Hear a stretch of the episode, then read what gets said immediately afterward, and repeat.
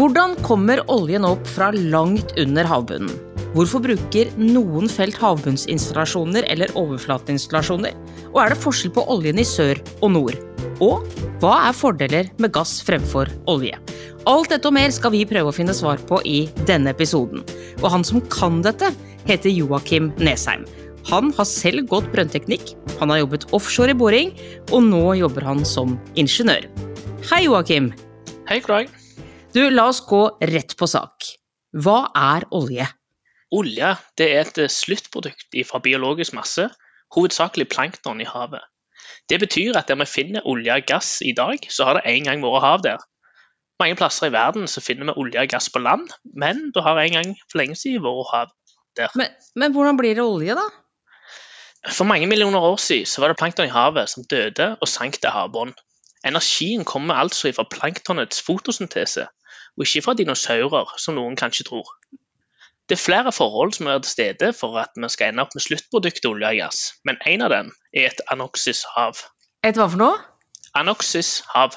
Og det er Det er et hav hvor det er varmt med lavt oksygennivå, sånn at eh, planktonet som, som dør, da, det råtner ikke, og dermed så bevarer du energien fra fotosyntesen. mm.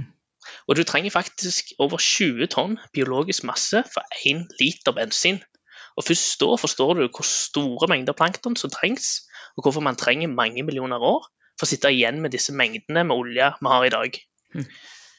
Det, men det er ikke bare plankton som faller til havbunnen, men sedimenter som sand, silt og leire, for å nevne noen, de legger seg også på havbunnen. Og disse sedimentene kommer fra fastlandet vårt. Det er elver som er gravd og skjært i naturen vår, og transportert den løse massen ut i havet. Lag på lag med sedimenter har pressa planktonet vårt et par-tre kilometer ned i bakken, og med riktig trykk og temperatur så får vi danna olje og gass. Ok, eh, jeg syns dette er litt komplisert. Du må forklare litt nærmere hvordan dette skjer. Du, når masse presses eh, langt ned i dypet, så stiger både trykk og temperaturen. Eh, omdannelse til olje og gass det skjer på ca. 2000 meters dyp. Og Det blir som å steke en Grandiosa. Dersom temperaturen er enten for høy eller for lav, så ender du opp med et uspiselig måltid. Men du må ha riktig temperatur og riktig tid for å få en perfekt stekt Grandiosa. Og oljen må så bli fanga i ei felle, og det er disse fellene som er båret olje. Oi, hvordan skjer det? Du, vi kan begynne med at oljen blir ikke danna her. Den blir danna i det vi kaller for en kildebergart. Eh, og Den kan være både dypere og lenger borte ifra disse fellene.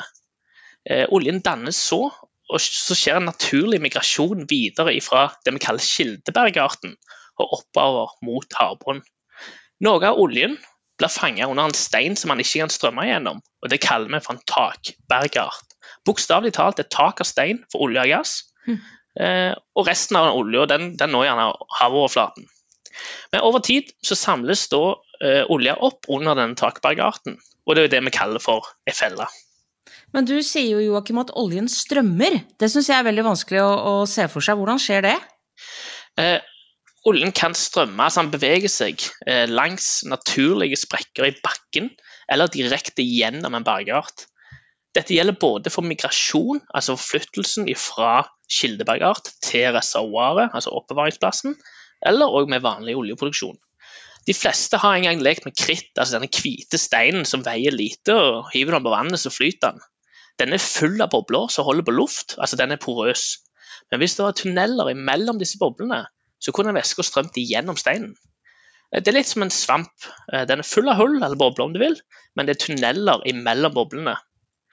Det er også inni slik type stein olje og gass oppbevarer seg på norsk sokkel, i såkalt sandsteinsreservoar. Bortsett fra på sørfeltet. Der oppholder oljen seg i en eh, bergart som i utgangspunktet ikke tillater gjennomstrømning. Men denne bergarten, kalt kalkstein, har fått naturlige sprekker i seg, og oljen strømmer da langs sprekkene. Tenk på krittet som har sprukket, og at oljen strømmer langs sprekkene. Ja, Det var et bilde som gjorde at det var litt lettere å forstå.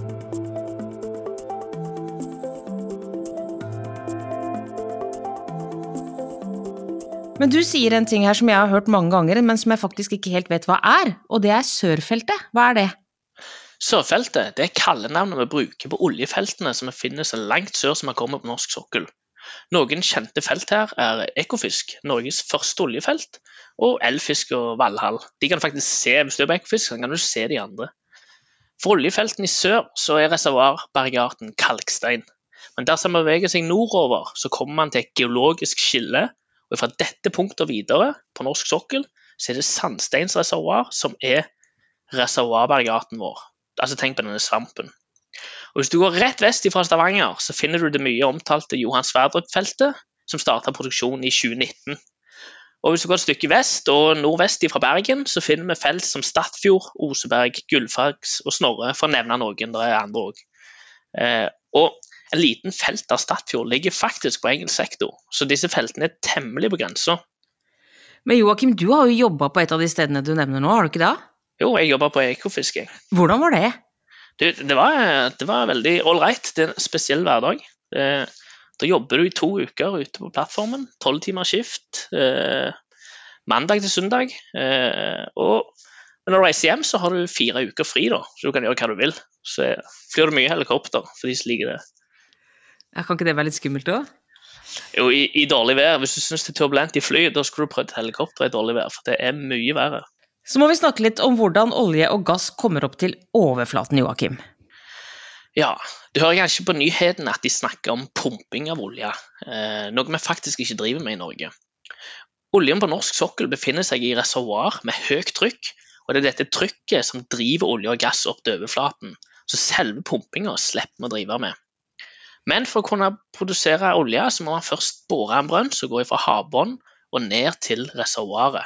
Ja, og nå begynner det å bli veldig konkret for meg. Hvordan borer man? Tenk deg først at du står på stranda, og så skal du grave et hull med en spade. Du kan kun grave så og så dypt, men etter en viss dybde så raser hullet ditt sammen. Denne utfordringen har vi også når vi skal bore flere kilometer.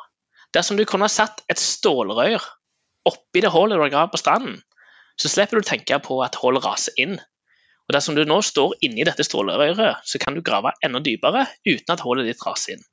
Men merk at det ble trangere for deg å stå inni strålerøret mot det åpne hullet du først sto i. Og Det er dette hullet vi kaller en brønn. Og Man borer i seksjoner med å sette slike stålrøyer for å hindre kollaps. Neste seksjon er da alltid mindre i diameter, slik at en kan fortsette inni røret som er.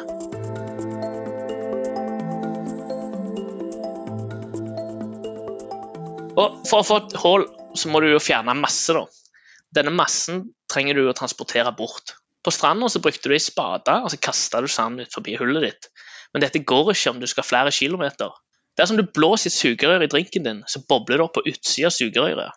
På samme måte dyttes løs steinmasse på utsiden av en borestreng opp mot overflaten, samtidig som borestrengen roterer, kutter og knuser seg nedover bakken.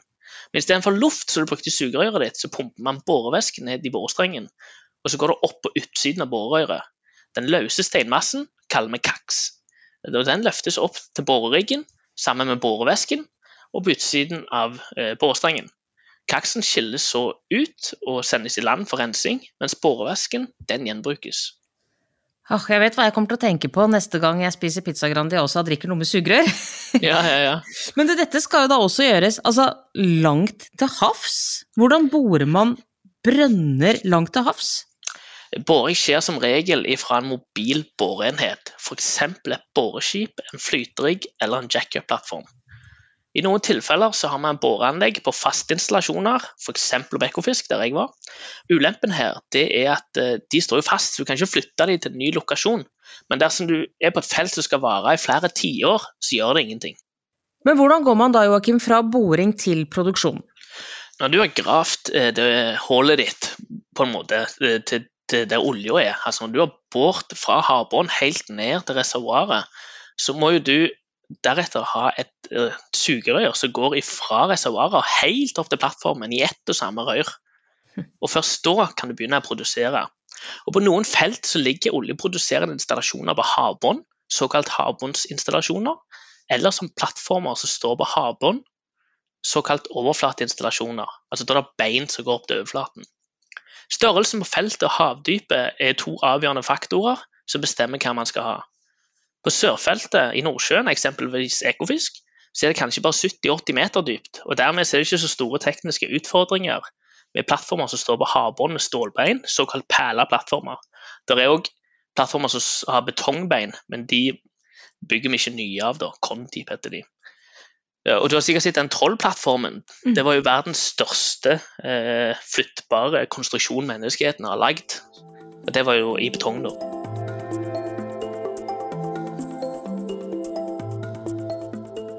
En stor fordel med å stå ved havbånd er at installasjonen beveger seg ikke med bølger, vær og vind.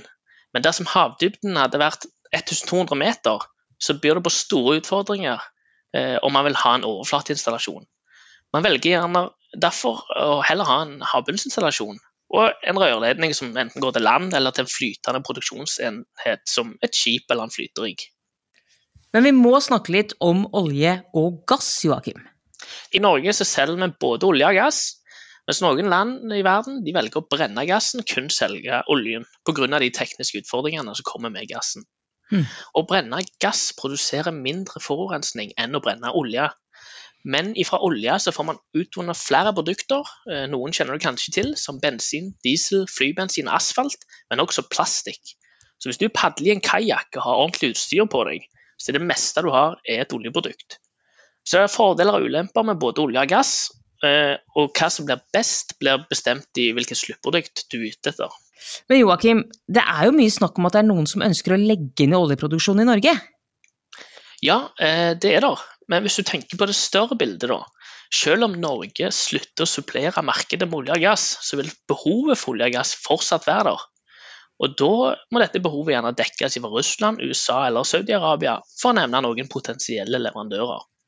Eh, Norge driver med eh, miljøbevisst og har strenge krav. Eksempelvis så får flere og flere faste installasjoner strøm fra land istedenfor å produsere strøm eh, direkte på feltet av gassen som de produserer, samt at mobile installasjoner får batteripakker og blir hybrider. Da. Tenk på en hybridbil som kjører på bensin eh, og strøm. Hm. Joakim, helt til slutt. Eh, hvis det sitter noen nå og tenker at drømmen i framtiden er å jobbe offshore i boring, hva har du lyst til å si til dem? Det er veldig spennende. Eh, du får mye ansvar på kort tid. Eh, du føler deg ganske tøff på jobb, da, for du, du, jobber gjerne i et tårn som er opptil 120 meter over havet. Eh, du kan ikke ha høydeskrekk, jeg må si det. Og Du kjører tungt maskineri, og du snakker mye på radioen. Det blir litt som når du ser på sånne amerikanske filmer de snakker på radioen. Høres litt kult ut, men her gjør du det hele veien.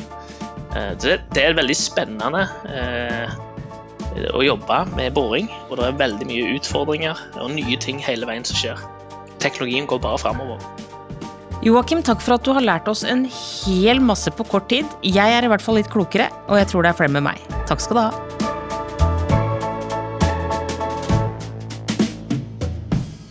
Produsert av både og for NDLA.